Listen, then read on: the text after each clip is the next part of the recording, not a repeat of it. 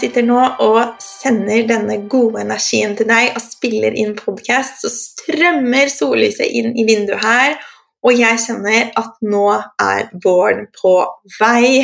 Og det gir meg jo selvfølgelig lyst til å fylle på med masse mer farger i kostholdet.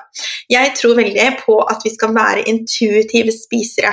Og når vinteren er her, og det er kaldt, så kjenner jeg mest at jeg har lyst på supper og mer nærings... Liksom mat. Alt som er varmende og jordende. Men med en gang solstrålene kommer, det blir lysere ute, så kjenner jeg veldig craving etter mer fargerik mat, mer lett mat, wraps og ikke minst salater. Og jeg vet at salater kan være litt sånn assosiert med kjedelig, eh, slankemat, men det trenger det virkelig ikke å være. Jeg har satt sammen mine favorittsalater til deg. Magiske, gode salater som jeg vet at du kommer til å elske. De er enkle å lage. Jeg liker at mat går fort, og det er enkelt å lage. Så disse her kommer du til å elske, og mest av alt så kommer du til å elske effekten. Når jeg er flink til å preppe grenser og hive sammen salater og få i meg mye grønt hver dag, så merker jeg en enorm forskjell, særlig på magen, men også på hele energien, på klarheten i huden min og bare hvordan jeg føler meg. Så nå er det din tur til å gå denne våren i møte med overskudd, klar mage og god energi. Gå inn på heleneragnhild.no slash salat og last ned de magiske salatene mine. De er selvfølgelig helt gratis, laget til deg fra meg med en hel masse kjærlighet. Det tok lang tid for meg å innse at økonomi var noe jeg ville ta tak i for å få det bedre mentalt. Jeg var ikke den som ringte banken for å få bedre rente, og var altfor glad i den kortvarige lykkerusen shopping ga meg. Jeg har knapt brukt et kredittkort i hele livet mitt eller tatt opp noe forbrukslån, men jeg har heller ikke lært meg økonomi sånn at jeg kunne ta smartere valg med egne penger. Og Hvorfor er det egentlig sånn at så mange av oss stikker hodet i sanden eller bare lar humla suse når det gjelder pengene våre? Det siste året har jo mange av oss fått kjenne på det negative fokuset på økonomi i nyhetene. Renteoppganger, strømpriser, matvareprisene går opp. Åh, det er så dårlig energi! Så nå må vi bli smartere og ta litt tak selv. Dagens gjest er nydelige Mai Evensen. Mai er en sånn jente som det er utrolig lett å bli glad i. Hun er smart og veldig hjertevarm. Tross sin unge alder har hun allerede utrettet mye i denne verden, og i dag jobber hun som lånemegler, der hun hjelper kundene sine med å finne de beste finansielle løsningene for hver enkelt som får jobbe med henne. I dag skal vi hjelpe deg med å bli din egen økonomidronning og snakke om hvorfor vi unngår å snakke om penger, og hvorfor særlig kanskje vi kvinner er så redde for å snakke om penger, de beste triksene som Mai har, og ikke minst hvor Mai får den nydelige gløden sin. Velkommen til Klar, ferdig, glød, Mai! Tusen takk, Helene, og tusen, tusen takk for verdens fineste intro.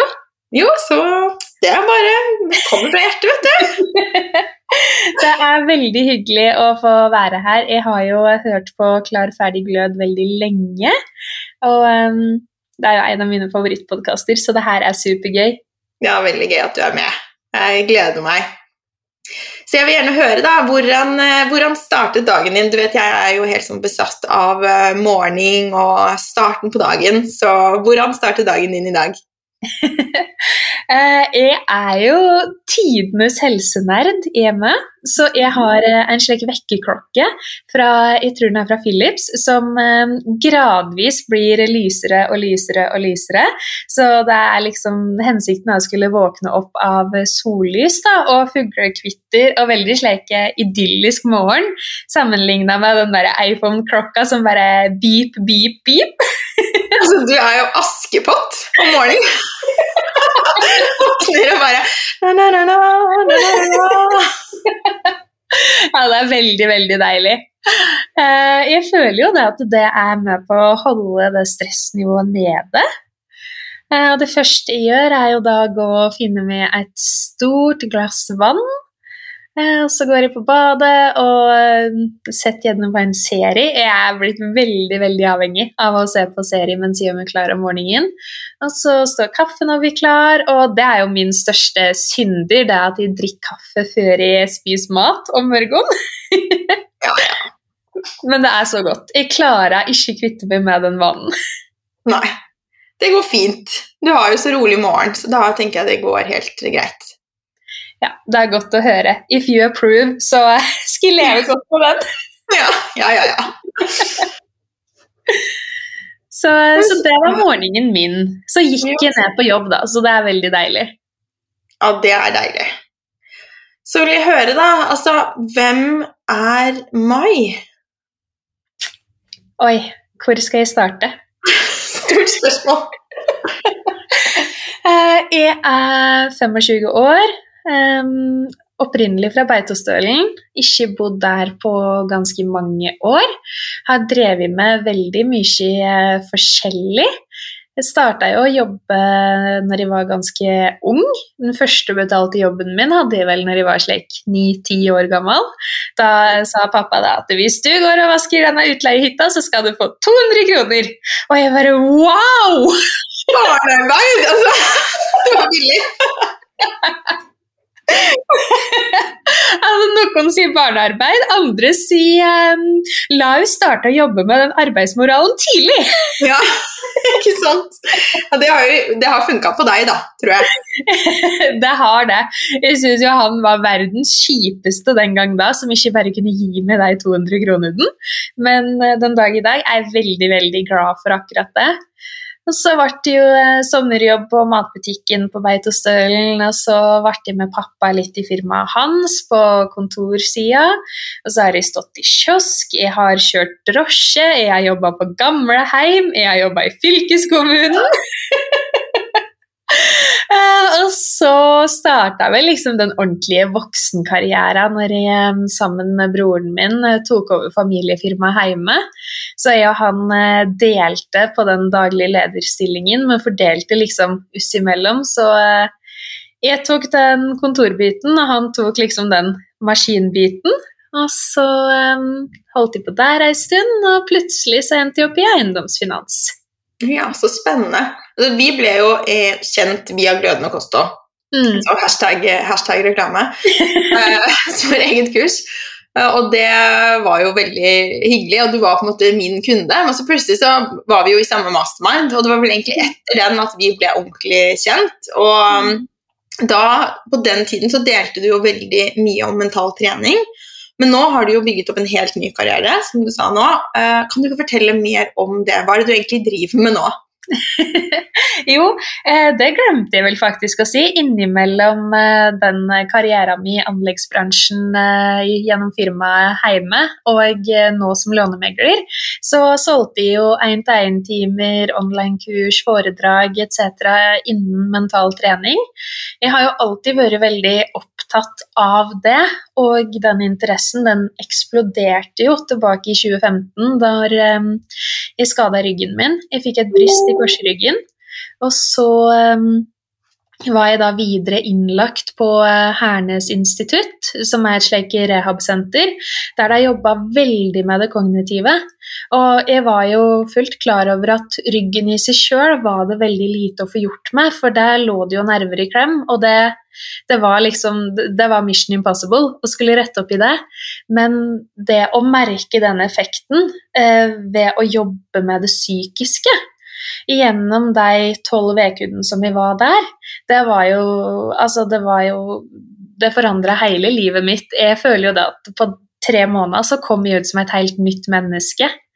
Og da å ha kjent på den effekten og se eh, hvordan det var mulig å overføre til andre arenaer i livet, det gjorde jo at jeg ble superinteressert. Og tilbake i 2019 så tok jo um, level 1-utdanningen til Raw Performance. Eh, så jeg har jo da kunnskapen derifra i tillegg. Og når jeg da hadde kjent på kroppen og så hvordan så mange andre hadde behov for å lære litt enkle teknikker for å få det bedre i hverdagen, så var jo det superinteressant å eh, jobbe med og hoppe inn i. Ja, det, altså, jeg elsker alt sånn NLP, altså mental trening. Mm. Det er kjempegøy. Så det er jo en helt, eh, helt egen podkast. Men eh, så utrolig gøy at du deler det. Det er kjempeviktig. Mm. Ja, og jeg bruker jo mye av det i hverdagen min nå som lånemegler med. For mye av grunnen til at jeg valgte å gå inn i stillingen i eiendomsfinans, var jo nettopp fordi at jeg hadde merka så godt på alle kunder jeg jobba med, at økonomi var, det var veldig vesentlig. Og veldig, veldig mange av de som sleit på ordentlig, de sleit jo også med økonomien. Og når du både har det vondt i livet og har vondt i lommeboka, så har du jo faktisk ikke råd da, til å skulle gjøre noe særlig med det. Mm. Nei, det er så sant. Ja, det, fin det fins jo litt offentlige tilbud der ute, og det er jo kjempefint, men de har veldig ofte veldig lange ventelister. Og skal du få gjort noe her og nå, så må du som regel betale for det sjøl. Mm. Og da, eh, hvis du ikke har råd til det, da, så du havner mellom barken og veden, rett og slett. Ja, det er helt sant. Men hva er egentlig en lånemegler? Eh, kjært barn har mange navn. Du kan kalle det lånemegler eller finansagent. Eh, og hensikten her er jo litt på samme måte som en eiendomsmegler. At du sitter som mellomledd mellom eh, kjøper og selger, eller da kunde og bank. Mm. Og det fins jo utrolig mange banker der ute. Og i eiendomsfinans så har jo vi samarbeidsavtale med ca. 20 stykk. Alt ifra boliglån til forbrukslån til billån til spesiallån. Mm. Eh, Spesiallån er jo det lånet som kunder får hvis de har enten bare en slik situasjon at de ikke passer inn i ordinær bank, eller hvis de har inkasso, betalingsanmerkninger, utleggsforretninger og hele den biten. Mm. Um, så man kan jo bistå med så utrolig mye. Og så jeg opplever jo ofte at det er veldig mange som tar kontakt via Instagram, og så er de litt nysgjerrige, men så går de automatisk inn i den der at eh, Nei, men jeg er sikker på at du ikke kan hjelpe meg. Eh, Jeg tror det er en slik forsvarsmekanisme at de, de, de er nysgjerrige, og de vil veldig gjerne ha en løsning, men så tør de ikke å hoppe helt i det. Og så sier de at nei, men hvis jeg ikke kan hjelpe dem, da, så kan det vel ikke skade at de ser på saken.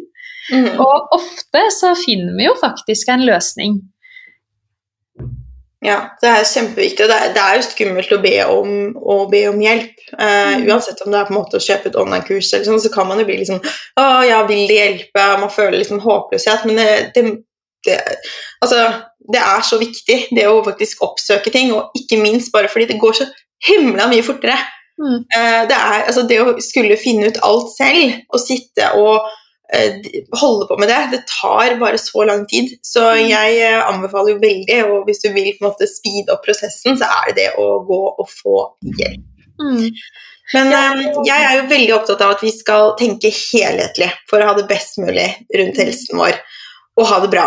Og jeg tror at vi har lett for å glemme hvor viktig økonomi er oppi dette. Og nå er vi jo i en tid hvor jeg har i hvert fall merket at det ikke bare liksom at ting har blitt dyrere, og at det er dyrere strøm og alle disse tingene, men også bare at det er så mye fokus på det. Det er veldig sånn dommedag. Så, altså, det er veldig mange som merker dette på økonomien, selvfølgelig. Det gjør jo de fleste, mens, og noen sliter veldig. Men det er også veldig mange som jeg tror egentlig liksom Ok, da blir det mindre, liksom, kanskje ikke vi har råd til den fine ferien og sånne ting. Uh, og man må om liksom fordele økonomien, men det er ikke nok til at man skal sitte med sånn kjempestress hver dag. Så hvordan påvirker oss dette liksom, Hva tror du? Hvordan blir vi påvirket av dette mm, fokuset? Jeg tror så absolutt at vi blir påvirka av det. Eh, både bevisst og ubevisst. For det er jo som du sier, Helene, at det kommer jo inn fra alle kanter nå. Det er på Dagsrevyen, det står i eh, aviser og magasiner, du ser det på Instagram. Altså, du, du kan jo ikke være noe sted på nettet uten å få det, altså, uten å få det inn. Og eh, sitter du i kantina og prater med kollegaer, så er det jo gjerne det som er temaet dermed. Og så tror jeg da at det er jo Det er jo Vi ser jo det gang på gang. At det media velger å fokusere på, det er jo det vi alle blir opptatt av. La oss spole to år tilbake og se på pandemien. Da var det jo det som var tema for alt og alle, fordi det var det aviser skrev om, det var det vi ble fokuserte på. Og det er klart at det er jo en økonomisk krise for veldig mange, men så tror jo jeg at vi får mer av den energien i livet som vi velger å fokusere på. Og eh, det kan jo høres litt naivt ut å si det på den måten, men jeg tror jo virkelig det at hvis du fokuserer på de gode, riktige tinga, og du har det bra, så vil du på den måten ta bedre økonomiske valg. Og det går jo mye på det her med den selvdestruksjonen som mange taus har kjent på. Og da er vi jo inne på det her med å pleie og nære og ha det godt sjøl, for da å kunne gi den energien videre til alle de vi har rundt oss, og på den måten få den der positive spiralen. Fordi mange av oss har jo levd i det veldig materialistiske samfunnet der eh, status, det blir eh, Oh, hva er ordet jeg leter etter? Status. Det går liksom på det her med hvor du har, altså hvor slags bil du har, veske du har, hus du har, alle de tinga der. Eh, og ofte så har i alle fall jeg kjent på det at det er veldig kortvarig, den lykka du får av å kjøpe den fine veska, eh, mm. versus det å faktisk ta meg tid til å sette meg ned på en kafé med ei god venninne, f.eks. Og det koster jo en brøkdel av prisen. Så jeg tror jo det at det, det, det er supervanskelig for veldig, veldig mange nå, og det har jeg så stor respekt for. Men så er det som du sier, at for mange av oss så krever det jo bare at vi skal omprioritere. Og jeg tror jo at for mange av oss så kan det være en litt sunn omprioritering det man gjør nå. Ja, for jeg merker jo selv at uh, det å bli mer bevisst har utrolig mye å, å si. Mm. Så, men hvorfor er det altså Hvorfor er det så Hvorfor kan man føle sånn at det er så ekkelt å snakke om penger? Jeg merker bare når vi sitter her og snakker nå, at jeg er så redd for å si noe feil, man er så redd for å på en måte krenke noen. Og det er veldig lett å gå i den derre Jeg tror mange av oss tenker liksom sånn Ja, men de ser på andre og tenker liksom Å ja, men de har jo alt på stell. Uh, og jeg tror at det som også skjer nå i denne tiden, når plutselig liksom f.eks. renta går så mye opp, da, så vil jo det også påvirke. Sånn hvis du sitter på et dyrt hus, mm. um, og så mange jeg i hvert fall skjønner, da, som bor i Oslo og som har um, tatt opp høye lån for å komme seg inn på boligmarkedet, så er det jo, uh, så er jo det like stressende som om du sitter på et lite lån, eh, og det går opp. Og det, liksom, det var det du hadde råd til. Så det er litt sånn derre vi må passe på at ikke vi ikke går ut og liksom angriper hverandre, men bare øser på med raushet og kjærlighet. Og hvordan kan vi gjøre situasjonen bedre for alle? Eh, det tenker jeg er viktig, for her skal vi jo bare komme med råd som hvordan man kan på en måte liksom øke den, det slingringsmonnet litt, da. Mm. Ja, det, jeg, jeg, er så enig, eh, fordi vi står jo, som du sier, i veldig ulike økonomiske situasjoner. Alle sammen. Vi har ulik inntekt, vi har ulike lån, vi har Altså eh, Det er veldig stort spekter, men ofte så ser vi jo det at selv om at du tjener veldig godt, så betyr ikke det at du har supergod råd hver måned, fordi gjerne har du jo lån da, som står i stil med inntekten din. Mm. Så det her er jo en trang situasjon for oss alle sammen. Og har du et stort og fint hus, så bruker du jo faktisk ofte mer strøm da, enn det du gjør hvis du har en liten, koselig leilighet. Mm. Så ja, det er helt sant. Alle, alle kjenner nok på det. Eh, og jeg er så enig i det du sier, at i stedet for å sitte og peke finger og skulle finne ut av hvem som hadde verst, så handler det jo om å ha respekt for alle sin situasjon. Mm. Absolutt. Absolutt. Og jeg har jo Jeg begynte jo faktisk med det og jeg har en uh, Altså, når jeg under pandemien så begynte jeg å være sånn Ok, nå skal jeg liksom bli bevisst på hva jeg bruker penger på. Eh, for da var man bare hjemme, og jeg merket sånn at jeg sparte mye penger. Det var mange utgifter som da uh, ikke bare, altså De bare ble ikke, fordi jeg var ikke liksom ute på samme måten. Uh, og da begynte jeg også å prøve å bli veldig bevisst på hva jeg ville på en måte investere i. Og det kunne være liksom alt fra sånn som jeg går på butikken og tenker sånn Ok, men den yoghurten da, den er ganske kostbar, men det vil jeg investere i, fordi den er bedre for min helse. Så jeg er virkelig sånn ned på nivået liksom sånn kjøpe mango versus melkesjokolade. så ikke liksom sånn, ikke tenk aksjer og alt sånt, men bruker liksom det sånn her, jeg investerer i meg, da. Og så kan jeg da liksom um, Her om dagen så så jeg på en sånn kjempefin genser som var satt ned masse, og bare den var så sånn Helena, sånn beige, sånn deilig ullgenser. og så var jeg bare sånn ja, men, ikke sant? Hvor lenge gir den deg glede, da? Er det verdt det, liksom? Så var jeg sånn nei, det trenger ikke jeg. Og det er som du sier, at da vil jeg heller bruke pengene på å gå ut og ta en kaffe med en god venninne. Mm. Og føle at jeg da har plass til det. Mm. Eh, så det handler veldig mye om å være bevisst, det handler veldig mye om planlegging. Eh, jeg ser i hvert fall på min bankkonto at det har altså, enormt å si. Mm. Uh, og en annen ting som også har hjulpet meg så mye, er jo det å selge. Fordi at i sommer så solgte jeg masse, masse klær på en sånn gjenbruksbutikk. Og også masse på Finn. Og, og jeg tror jeg solgte for ja, jeg vet ikke hvor mange tusenlapper. Ganske mange. Og da ble jeg også altså Jeg følte at skammen min hang i den butikken. For det var så klær med lappen på, og det er så mange sånn du bare Herregud, jeg husker den dagen jeg kjøpte den jakken, og jeg har liksom ikke brukt den. Fordi jeg nesten med en gang tenkte sånn Den skal jeg selge igjen, fordi jeg bare, ah, det var et bomkjøp, og så bare blir den aldri solgt. og så så det var liksom sånn det har hjulpet meg å bli så mye mer bevisst. Mm. Det er liksom bare å gå og rydde og få veldig sånn Ok, det her er det jeg har, dette er det som gir meg glede, dette gir meg ikke glede. Kjenner du deg igjen i noe av det her? Mm, 100 Det er så um, Det er så rett på.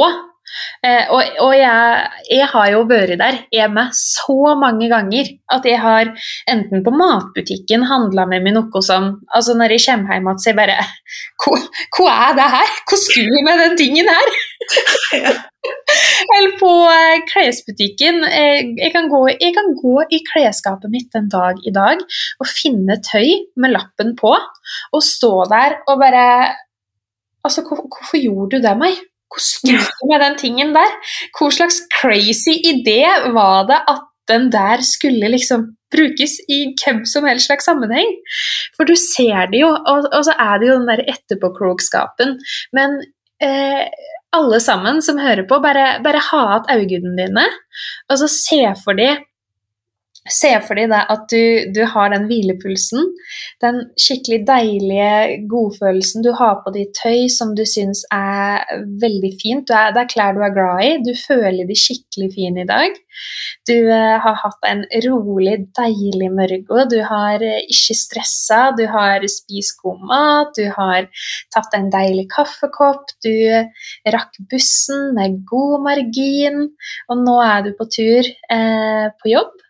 Og på veien dit så møter du på um, et menneske som du kjenner, en bekjent som du sier hei til, du står og småprater i to minutter. Du går innom eh, favorittkaffebaren din, og du plukker opp den kaffen som du kjenner at du har så lyst på. Og så setter du ned og tar de ti deilige minutter der du koser deg med den, før du går videre på jobb. Med den deilige hvilepulsen. Versus det at du står opp, du våkner med et brak av den brutale iPhone-alarmen. Du kasta ut alt du har i klesskapet ditt, fordi det henger masse der, men ingenting er fint, ingenting passer. Du har nå brukt så mye tid i det klesskapet ditt og irritert deg over at alt sitter feil på kroppen, og så løp du ned på bussholdeplassen, du kommer for seint. Du må stå og vente på neste buss. Når du heseblesende kommer fram til jobb, så stikker du innom Narvesen og kjøper med deg en kaffe der som du egentlig ikke har lyst på, men du bare kjenner at du, du må ha det koffeinkicket. Og så kommer du heseblesende svett inn på jobb og bare tenker at å, fy faen, det her blir en dårlig dag. Oi, det her er jo jeg føler jo at det her er liksom et veldig accurate bilde av livet mitt før og etter. For mm. jeg har jo nå kjent deg, Helene, i mange, mange år, og jeg har jo fulgt med på det du har delt i veldig mange år.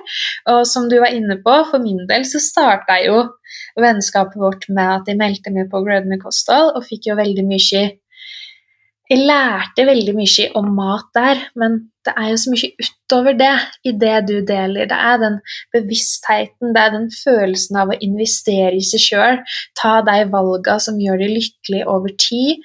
Eh, bruke dobbelt så mye på den genseren du faktisk har lyst på, som du føler deg fin i, den du har ønska deg lenge, versus å kjøpe det plagget som bare blir hengende på lappen på.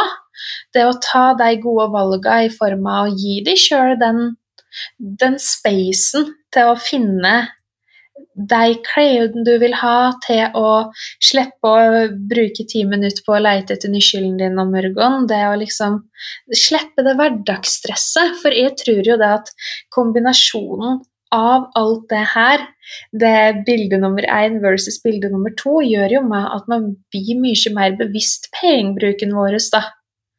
Nettopp fordi mm. man har ikke det indre stresset.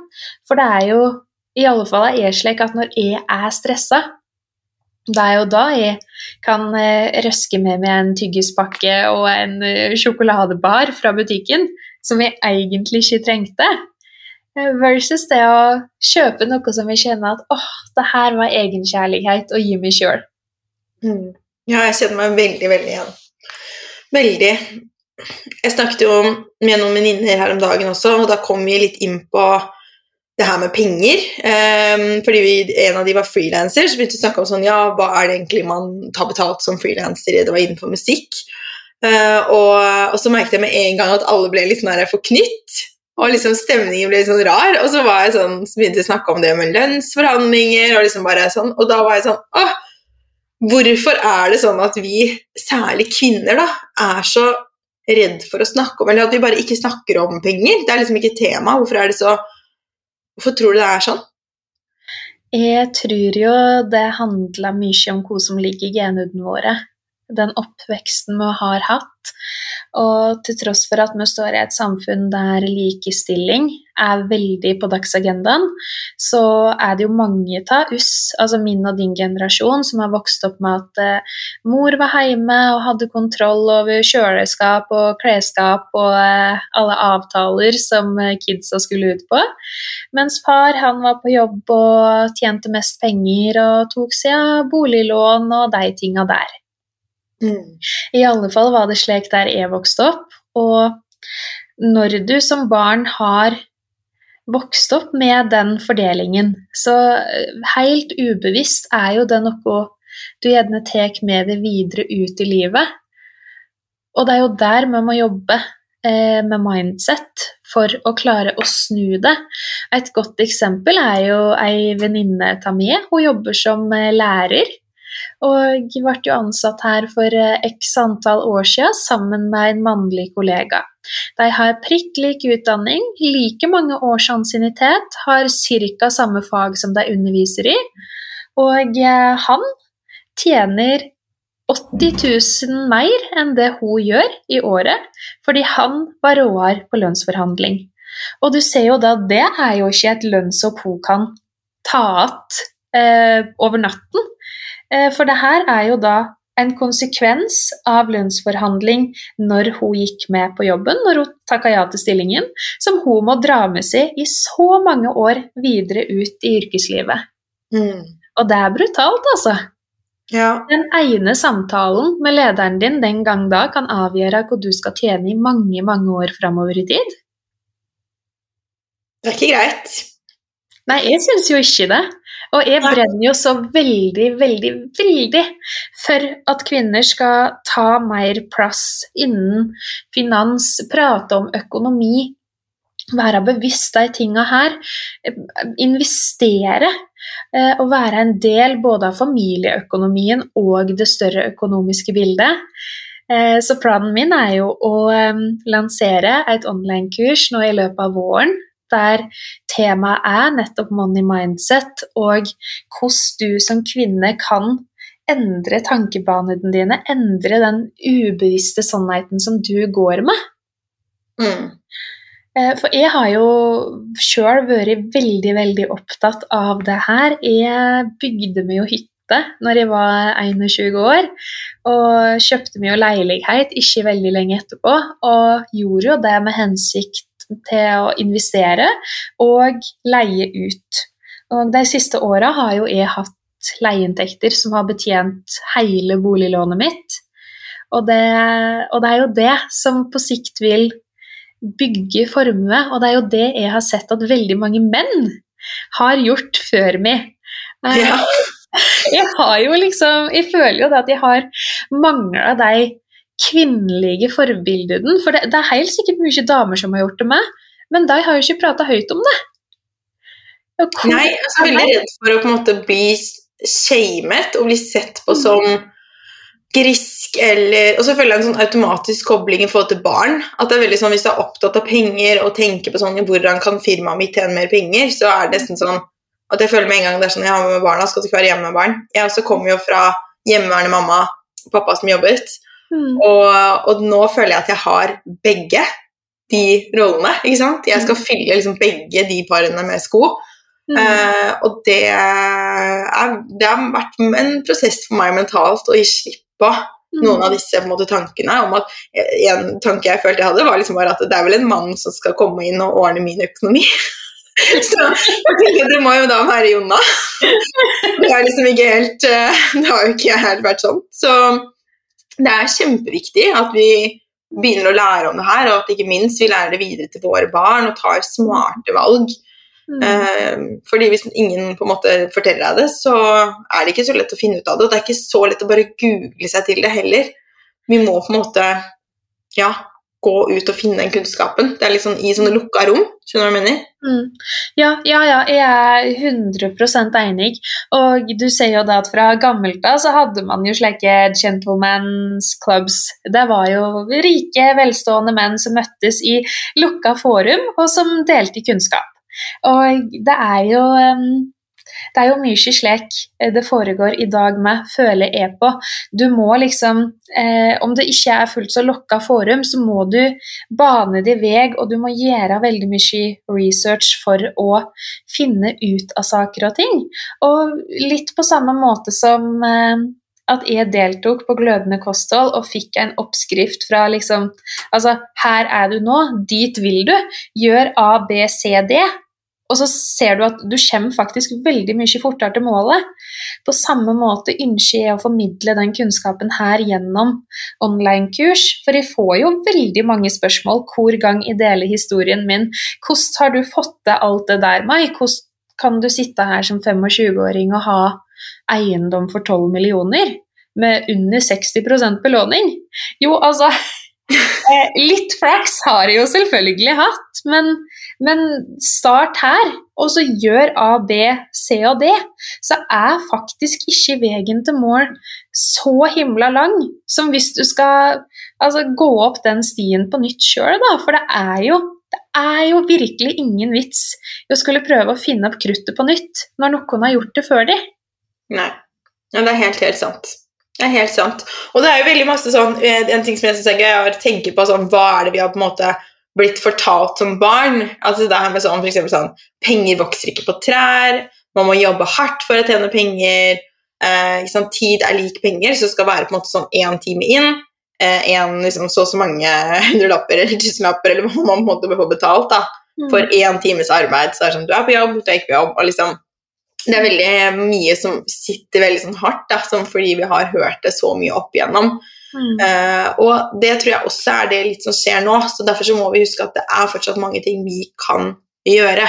Så jeg har lyst til å spørre deg litt spørsmål om det nå. Hvis du sitter og lytter nå da, og tenker sånn Ok, jeg har lyst til å ta noen smarte grep for å få litt liksom, mer oversikt igjen, og også bedre økonomi. Hvor skal man starte? Og det er et uh, veldig stort spørsmål som kommer veldig an på situasjonen din. Da. Men jeg vil jo absolutt anbefale å få full kontroll over det du eventuelt har i lån.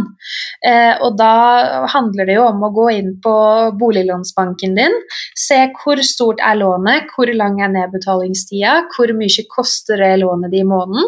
Hvis du har studielån, gå inn på Lånekassen og se der. Hvis du har usikra gjeld, gå inn på gjeldsregisteret registeret.no og se hva som kommer opp der. For der, eh, det er et samleregister for alt av kredittkort og forbrukslån. Kanskje har du et billån. Eh, finn ut hvor mye det kosta de i måneden. Og så ser du på hvor mye det her blir totalt, og så ser du på inntekten din. Får du det regnestykket her til å gå opp? Fordi kredittkort er jo faktisk slik at der kan du kun rentebetjene. Eh, det, så lenge du gjør det, så er de superfornøyde. Det er jo det de helst vil, ikke sant? For det er jo mm. da de tjener mest på de som kunde over tid. Men skal du bli ferdig med den gjelda der på et tidspunkt, så må du jo faktisk nedbetale det lånte beløpene. Og det er jo når du da får den oversikten, at du gjerne kan spare veldig, veldig, veldig mye ved å se på en refinansiering. For det er klart at eh, billån og kredittkort, forbrukslån, det er ingen som er tjent med å skulle nedbetale det over 30 år hvis du bare begynner boliglånet. Men la oss si da at den kredittkortrenta kan du få ned fra 22% til 4 som du da gjerne har på boliglånet ditt. Ja. Det er jo da du kan spare veldig mye penger, hvis du da bare har den sjøldisiplinen til å nedbetale litt ekstra hver måned. Jeg har eh, blitt så motivert og inspirert av alle de flinke damene som de siste åra har delt masse sparetips, eh, som eh, altså der du kan spare en hundrelapp her og en hundrelapp der. Men ved å se på det her med lån, det er jo da du kan starte å spare tusenlapper i måneden. Og i året så er det jo gjerne på titalls tusen i sparte kroner. Og si at du på den måten kan bygge den bufferen du har så dårlig samvittighet for at du gjerne skulle ha hatt. Eller du kan nedbetale det ekstra på lånet ditt, eller du kan investere det i fond. Eller du kan allerede der da finansiere den ferieturen da, som du kanskje føler at du ikke har råd til i år. Mm. Eh, Absolutt. det er bare penger som bare går ut. Det er liksom ikke det er sånn her, så Hvis du går på butikken og så bruker du mer så liksom, eh, Yoghurteksempelet mitt igjen. da. Eh, mm. På ene butikken så koster den yoghurten eh, 59 kroner, og på den andre så koster den 39. Og Det er liksom akkurat, det er jo den samme yoghurten. Og det er liksom samme lånet. Det er ikke sånn at du er sånn 'Å, jeg er så glad jeg har sånn dyrt, eksklusivt lån'. det er liksom ingen lån som er sånn Vi vil jo bare ikke betale mer for forsikringer og, strøm og alt det her, så det å gå gjennom disse avtalene um, Og særlig hvis man har forskjellig gjeld, så er det selvfølgelig kjempevirkningsfullt. Mm. Ja, og la oss si at du kjøper den dyre yoghurten på den dyre butikken én gang fordi at du var der, det var det du hadde tid til, det var det som funka fint da. Så ok, det, det er 20 kroner, men, men, det går fint, det går greit. Men la oss si at du går og kjøper tre stykker av den yoghurten i uka, og det gjør du måned etter måned, år etter år. Det er jo der du ser den massive forskjellen. Mm. Og det er jo det vi ser på låna våre med. At det er, det er tomme, det er tomme penger som bare forsvinner ut. Du får aldri att den rentekostnaden der. Og så finnes det jo utrolig mange banker der ute som opererer med ulike renter, ulike termingebyr, ulike vilkår. Og som kunde så blir du jo ekstremt forvirra av å skulle mm. Sette det inn i alle de tinga der. Og det tar jo gjerne lang tid, og når du har fått avslag fra kanskje én eller to eller tre banker, så mister vi jo motivasjonen. Vi tenker at nei, men fuck det her, så får du bare være der det er. Da får vi bare stå i det. Men ved å bruke en lånemegler, så har jo den en fagkunnskap som kan hjelpe de så langt på vei. Det blir jo på samme måte som at det er jo særdeles få som sier at uh, Oi, jeg skal pusse opp leiligheten min, la meg trekke hele det elektriske anlegget sjøl. Nei, man har heldigvis ikke lov til å gjøre det. Men det er, kjempe, det er kjempefint. Er, man får hjelp av folk som kan det. det. det. gjør at du som regel får den beste løsningen. Ja, og så går det mye fortere. Mm.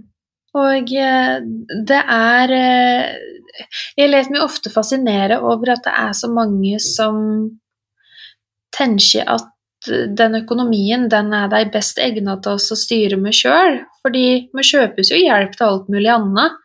Det er jo ikke veldig mange som sitter og sjøldiagnoserer og skriver ut penicillinen sin sjøl, liksom. Vi må jo til en lege for å få den hjelpa. Og på samme måte som at vi går på skole for å lære nye ting. Vi oppsøker fagfolk til det ene og det andre, og det er særdeles lurt å gjøre med økonomien sin med for å få de beste avtalene. Ja, og vi lærer jo ikke nok om økonomi i skole. Jeg tror kanskje det har blitt bitte litt bedre nå, men um, i hvert fall så hadde vi ingenting om det. Jeg husker når jeg hadde økonomi på skolen, så var det jo ikke det. Det var ikke personlig økonomi. ikke sant? Det var jo sånn kreditt og debit og sånn, det gikk jo inn det ene øret og ut det andre, for å være ærlig. jeg jeg syns jo det er veldig, veldig rart at det blir satt av så mye tid til å lære om eh, som du sier, kreditt og debit og ligninger og algebra og alt dette der, men det er ingen som forteller om renters rente og krav til egenkapital hvis du skal kjøpe bolig, og uh, hvor viktig det er å ha en bufferkonto, alle de tinga der.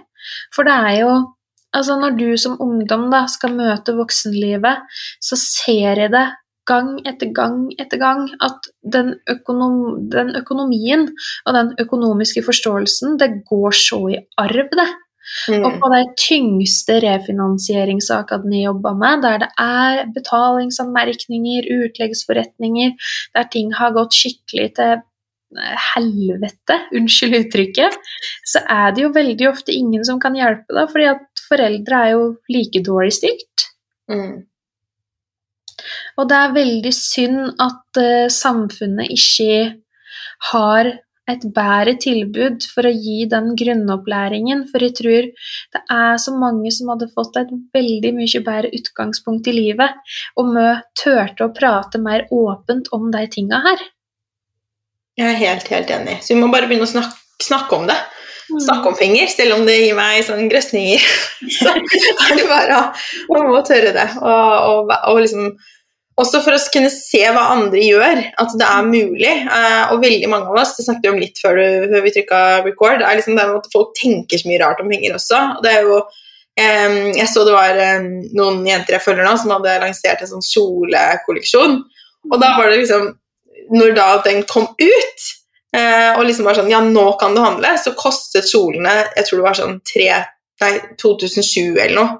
Uh, og det er jo også sånn, ikke sant, sånn som Baitimo-kjoler og sånn, de er jo helt hårreisende priser. Men samtidig da, så er det liksom så mange som tenker at da går de pengene sånn rett i lomma på den personen som selger det, og så glemmer man at det er så mye sånn at det er jo frakt, det er tekstilene, det er selve, altså selve produktet, men så er det jo opp liksom, lager, og det er retur, og det er sant, kundeservice.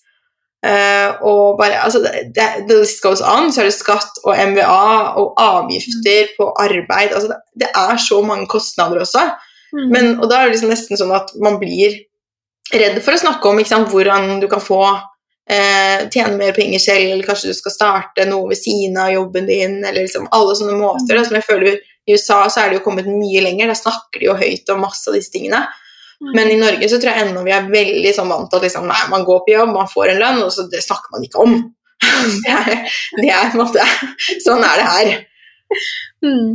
Du har jo hele næringskjeden som, som ligger bak.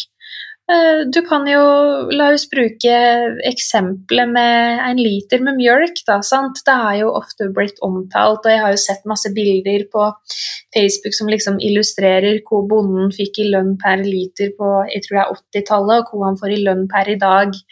Og det er jo veldig horribelt det at han ikke får mer betalt. Jeg støtter jo veldig at bønder skal ha samme lønnsvekst som det andre har.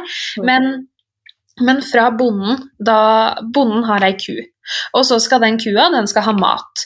Og så skal de ha et fjøs med utstyr. Og så skal det komme en mjølkebil og faktisk hente den mjølka, kjøre den til et produksjonsanlegg. Der jobber det folk som skal gjøre hele prosessen med ja, alle de tinga der. og så skal du ha emballasje, og så skal du kjøre mjølka ut i butikken, og i butikken så skal det være folk på jobb. Du skal ha kjøleanlegg for å holde mjølka i orden. Det skal sitte folk i kassa kassa, du må ha et kassasystem, folk skal bære de poser, du må kjøpe inn bæreposer. Og altså, det er en så lang reise fra den kua til den mjølka står hjemme i kjøleskapet ditt. Det er en så lang reise fra de jentene som du prata om, kom på ideen om å lage den kjolen, til den er ferdigprodusert og klar til forbruker.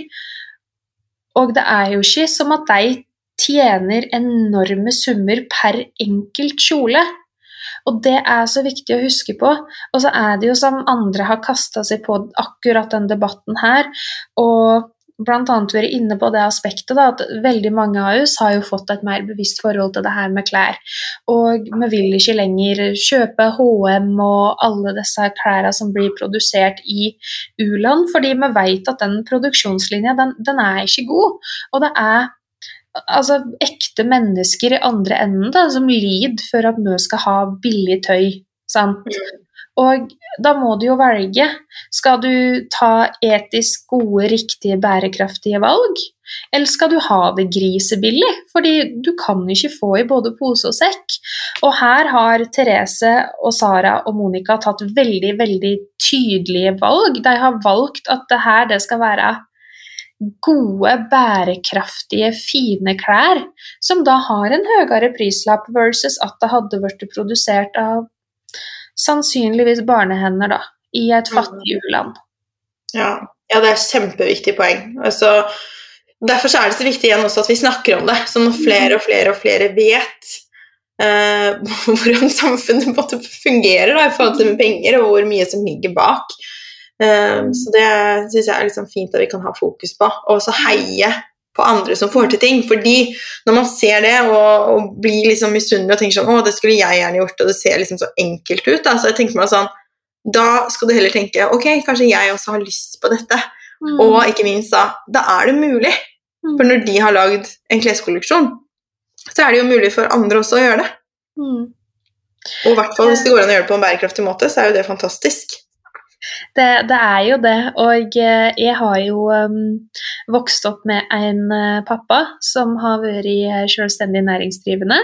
Og han har jo ofte stått på skattelistene, slik vi prata om før vi starta å spille inn her.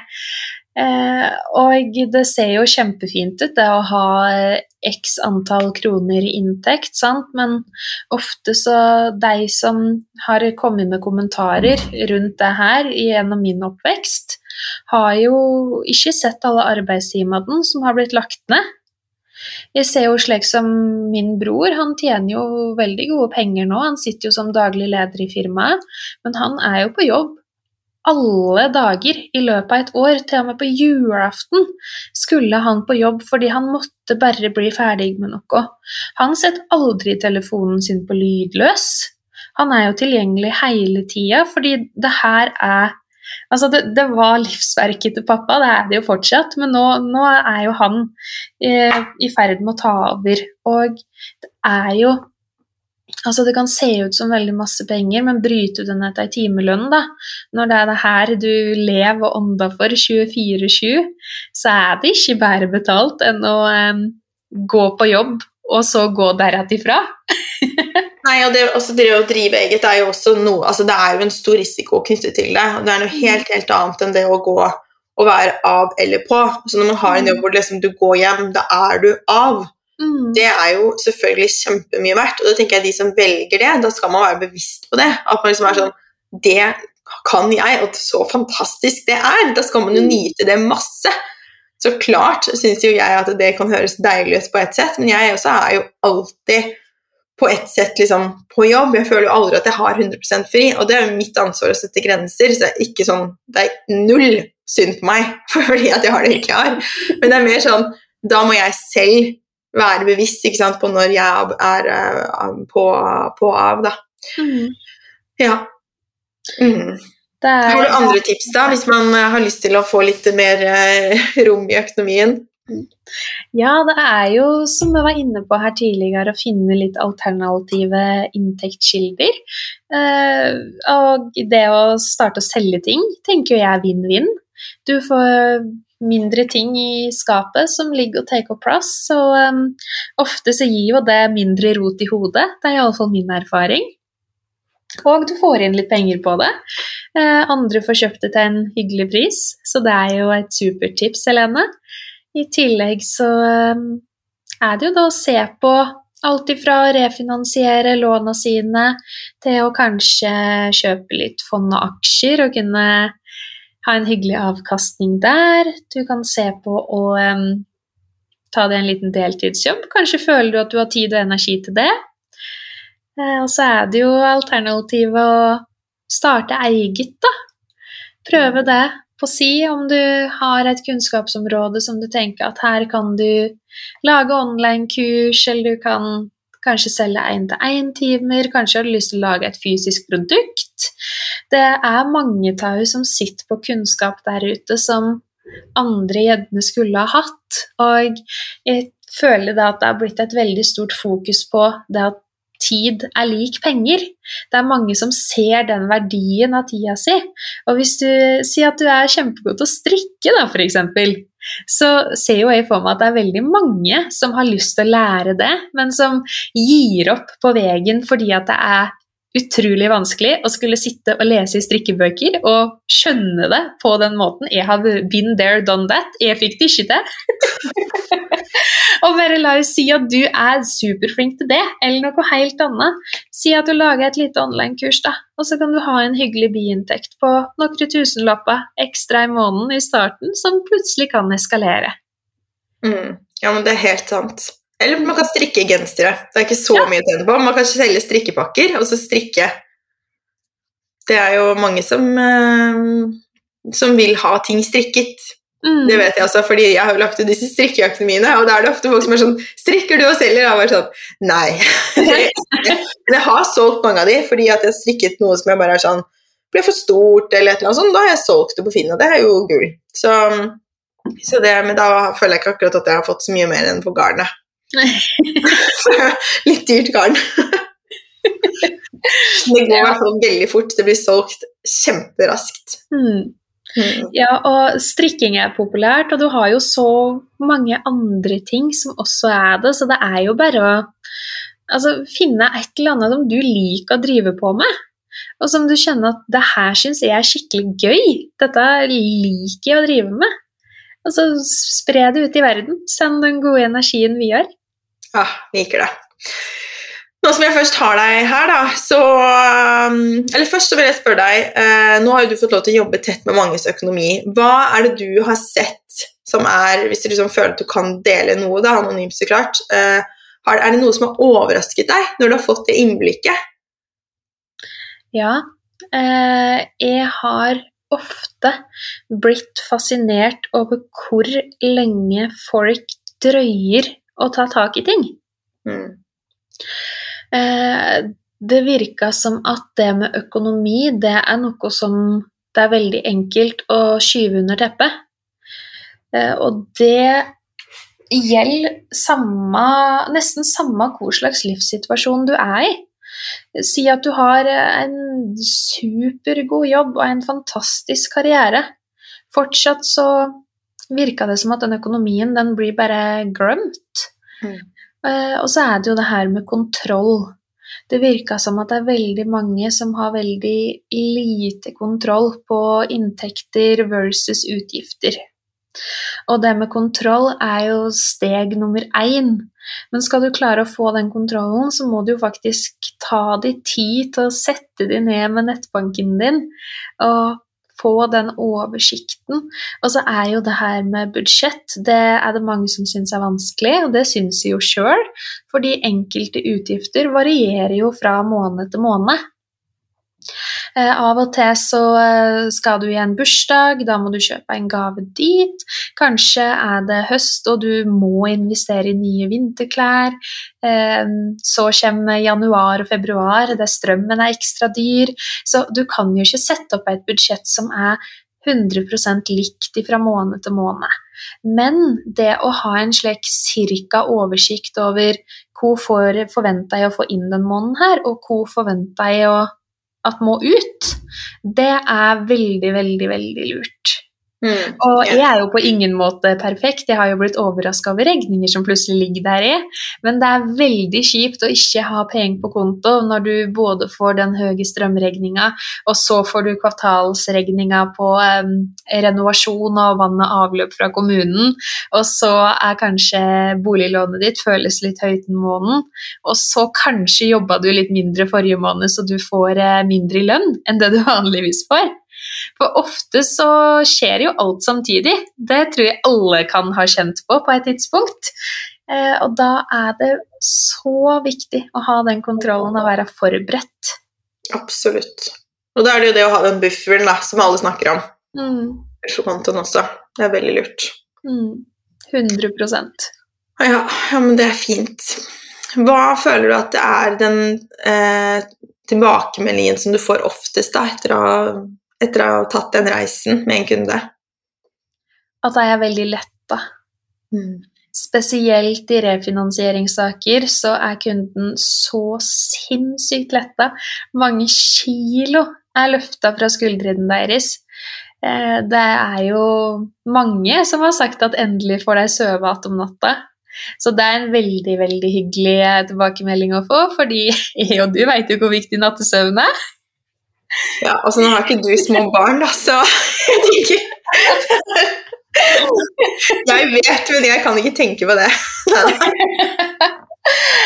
Og når det er slike, kall det enklere saker, det er, det er jo, jeg jobber jo med mye mer enn refinansiering. Det er jo mange som kommer til meg fordi de skal ha sitt første boliglån og har lyst på litt ekstra bistand, eller de skal bytte bolig og bare har sett verdien av å bruke en lånemegler, så de velger å ta kontakt. Eh, Og de sier jo veldig ofte da at herregud, det her var enkelt Mm. det gikk så glatt, fordi jeg gjør jo eh, ca. 98% av jobben. Mm.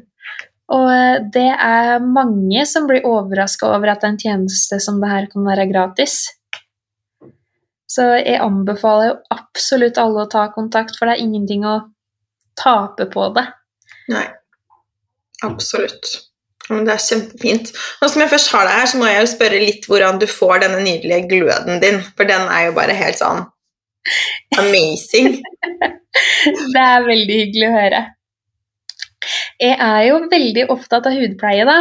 Og har jo um, forelska meg i uh, gode, sunne hudpleieprodukt. Så en ny favoritt hos meg er jo Seider, som jeg har Mm, inngått et samarbeid med. Det er, det er jo eh, norske gründere bak merket som er veldig opptatt av det her med bærekraft, kvinner, eh, og den eh, eh, Seider, det står vel for en em, eh, slags urkraft i kvinnen. Og jeg syns det er så fint, alt det deg representerer. Og så er selskapet børsnotert i tillegg. Det er veldig kult. Jeg som er opptatt av investeringer. Ja, det er kult. Eh, Så, så det er hudpleie. Og så er jeg jo eh, veldig opptatt av det jeg putter i munnen. da. Jeg spiser et glødende kosthold. Så klart. Så klart! så er det jo det her med det å jobbe mentalt og avle gode tanker, være takknemlig, sette pris på det du har, omgås gode, fine, riktige folk. For um, hvordan du har det inni det, det er, jo, det er jo det som vises på utsida. Det er jo slik du får den nydelige gløden fra innsida og ut. Og da, da er det den helhetspakka, den totalen, som er viktig. Ja, jeg har musikk i mine ører. Eller varme mitt ernæringshjerte, som jeg vil si. Har du noen sånne små hacks, sånne ting som du gjør for deg selv i hverdagen, da, som gjør at du føler deg ekstra bra? Ja, jeg er veldig opptatt av å komme mye ut i frisk luft. Jeg elsker å gå tur, eh, spesielt når det er slik fint vær som i dag, når sola skinner og bare å kjenne den kalde, friske lufta i lungene. Eh, og så er jeg jo veldig glad i å sette meg ned med en god kopp med et eller annet, om det er kaffe eller matcha eller kanskje en smoothie, og bare nyte den helt i fred og ro. Eh, Og så er det jo å høre på podkast og få inn liksom alle de gode vibrasjonene. Det er slike små ting som jeg bare passer på strø på litt hverdagsmagi her og litt der, og så blir livet veldig fint, da. Ja, det er så fint å høre. Har du noen favorittoppskrifter som du bruker igjen og igjen? På um, smoothies og slike ting, tenkte du? Ja, hva er det du lager som du føler at du liksom alltid kommer tilbake til? Eh, det er jo den uh, Altså, når vi er inne på smoothie, så er jeg jo veldig veldig glad i den smoothien som er i eh, oppskriftsheftet ditt. Den eh, peanut butter jelly. Ja, det er en av mine favoritter òg. Ja, den er så god! og så er jeg jo veldig glad i eh, matcha-latte. Varm med stima havremelk og matchapulver og eh, litt sirup. Den er nydelig. Uh, og så Å, herregud, det må jeg jo nevne. Nå kommer alle til å tenke at jeg er superrar som sier det her, men min Min favorittsnacks det er råe gulrøtter med pesto. What?! Herregud, det har jeg aldri prøvd! Å, det må du teste! Det høres så sært ut, I know, men det er så godt. Har, har du kvalitetssjekka det her for noen andre, eller er det bare deg, liksom? det kan hende at det bare er med, og, men det her har liksom, blitt litt slik kjennemerket mitt. Eh, jeg har jo bl.a. i mine yngre dager vært mye på festival, og der hadde jeg ofte med meg pesto og rå gulrøtter. Så det er liksom, når jeg møter at uh, venner fra ungdommen, så er det liksom Ja, Mai, gulrota da, hvor er den? altså, det er gøy. Jeg elsker også at du sier at dine yngre dager når du er 25. Altså, du er så ung. Det er så ja, det er Hva skal jeg si en gammel sjel i ung kropp. ja, men det er du. Det, det, kjenner jeg meg veldig enig i, faktisk. Mm. ja, det er, det er deilig. Det er veldig deilig å være sammen med deg. Du har en kjempegod energi. Og så sier du så mange sånne morsomme ting som sånn Herre min hatt! okay. Og så var det du sa når vi og Sanne var på kafé, at hun var en klatre... Et eller annet sånn At hun liksom drev klatra på stolen. Så du bare Hun er en sånn klatre... Altså klatrekatt eller et eller annet sånt. Klatremus, kanskje? Ja, nei, det var, nei, det er vanlig. det var uvanlig.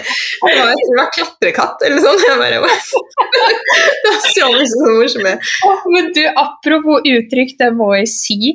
Eh, han som fungerer som vår kontorleder eh, på Gjøvik-kontoret nå, han, han, er jo fra Oslo, sant? og han syns jo at jeg prater veldig rar dialekt.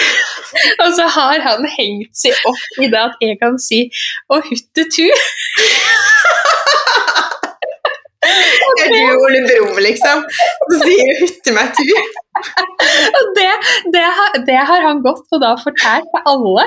Så når jeg da var på julebord med Oslo-kontoret nå i desember, så gikk jeg ut av rommet, og så hører jeg bare bak meg 'Å, huttetu'!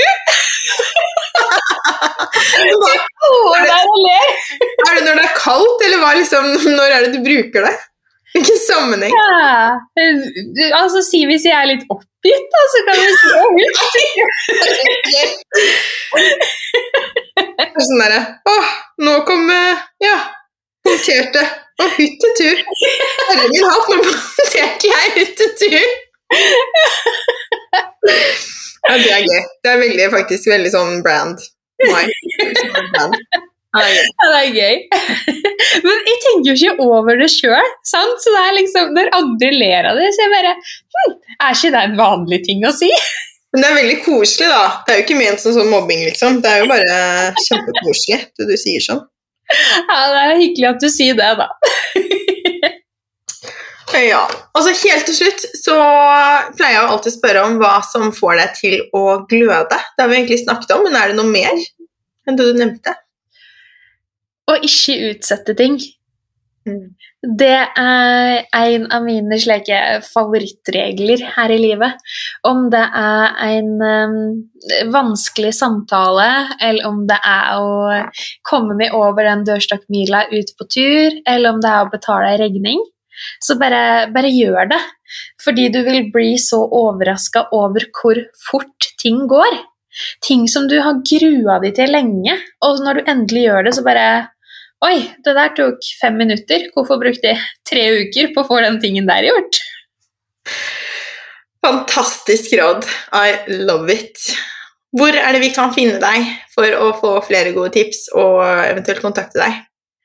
De kan finne meg som eh, Mai Evensen på Instagram. Det er jo der jeg er mest aktiv og tilgjengelig. Og så er jeg jo på Facebook, på LinkedIn, eh, på Eiendomsfinans sine nettsider. Så, men send meg veldig gjerne en eh, DM på Instagram. hvis du vil ta kontakt. Så koselig. Meg finner dere som Helene Ragnhild på Instagram, Helene Ragnhild Ernæring på Facebook og heleneragnhild.no. Tusen, tusen takk for at du var med meg og delte. Velkommen igjen. Det var veldig veldig koselig å snakke med deg. Og så vet jeg vi skal snakkes igjen uh, utenfor podkasten også veldig snart, så det blir bra. Du skal jo hjelpe meg også, så håper jeg. Så det blir bra. det blir veldig, veldig bra. Jeg gleder meg til å finansiere det nydelige huset ditt. Å, det blir bra. Tusen takk for i dag. Vi snakkes. Ha det bra. Ha det.